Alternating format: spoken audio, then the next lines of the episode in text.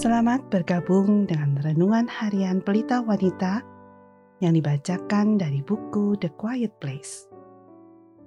Pembacaan Alkitab hari ini diambil dari Mazmur 39 ayat 2 sampai 7.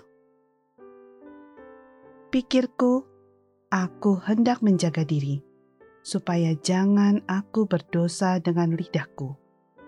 Aku hendak menahan mulutku dengan kekang selama orang fasik masih ada di depanku. Aku keluh, aku diam, aku membisu, aku jauh dari hal yang baik. Tetapi penderitaanku makin berat. Hatiku bergejolak dalam diriku, menyala seperti api. Ketika aku berkeluh kesah, aku berbicara dengan lidahku. Ya Tuhan, beritahukanlah kepadaku ajalku dan apa batas umurku, supaya aku mengetahui betapa fananya aku. Sungguh, hanya beberapa telempap saja kau tentukan umurku. Bagimu, hidupku seperti sesuatu yang hampa. Iya, setiap manusia hanyalah kesia-siaan.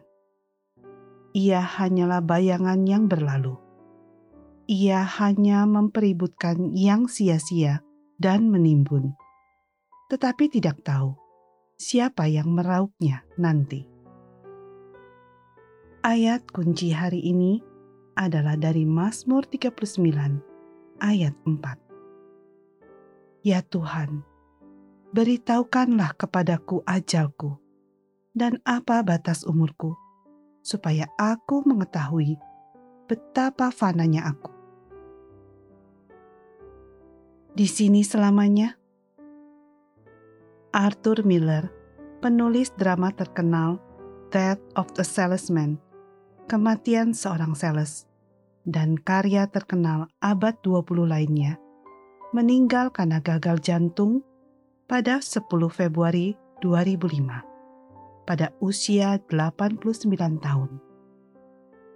Saya kebetulan mendengar kepergiannya pada berita malam itu saya menjadi tertarik ketika pembawa berita CBS mengatakan bahwa Miller pernah diwawancarai tentang apa yang dia rencanakan untuk ditulis pada batu nisannya. Dia menjawab bahwa dia tidak terlalu memikirkannya. Saya berharap untuk berada di sini selamanya. Faktanya adalah tidak ada dari kita yang akan berada di sini selamanya kita bukan orang yang tidak terkalahkan.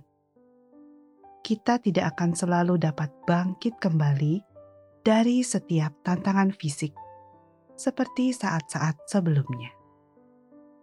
Meskipun kita mungkin enggan memikirkan kematian kita, rasa sakit, darah, dan takut akan semuanya itu. Seperti yang dikatakan oleh pendeta saya, Ray Outland, sudut pandang dan kebijaksanaan yang timbul dari hidup dalam kenyataan ini membantu kita mengerti apa yang sangat penting bagi kita hari ini. Ini membuat kita menyembah Allah atas belas kasihan dan janjinya yang kekal.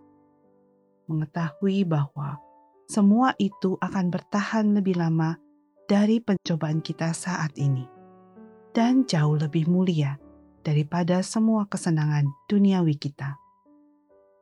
Terdapat sebuah cerita bahwa ketika Fransiskus dari Assisi suatu hari sedang merawat tamannya, ada beberapa wanita mendekatinya dan bertanya apa yang akan dilakukan jika dia tahu bahwa dia akan mati sebelum matahari terbenam pada hari itu. Jawabannya singkat. Hmm, saya harap saya dapat menyelesaikan sepetak dalam taman ini. Ketika kita sampai pada kenyataan akan rentang hidup kita yang terbatas di bumi, kita dapat mengkalibrasi tujuan dan ambisi kita dengan kebijaksanaan yang lebih besar dan dapat hidup tanpa keterkejutan dan ketakutan akan kematian fisik kita. kita bisa menjadi yang paling sehat secara rohani. Kita bisa mengalami damai sejahteranya. Kita bisa tahu untuk apa kita hidup. Sebagai penutup, mari kita renungkan pertanyaan ini. Apakah Anda baru saat ini merenungkan begitu singkatnya hidup?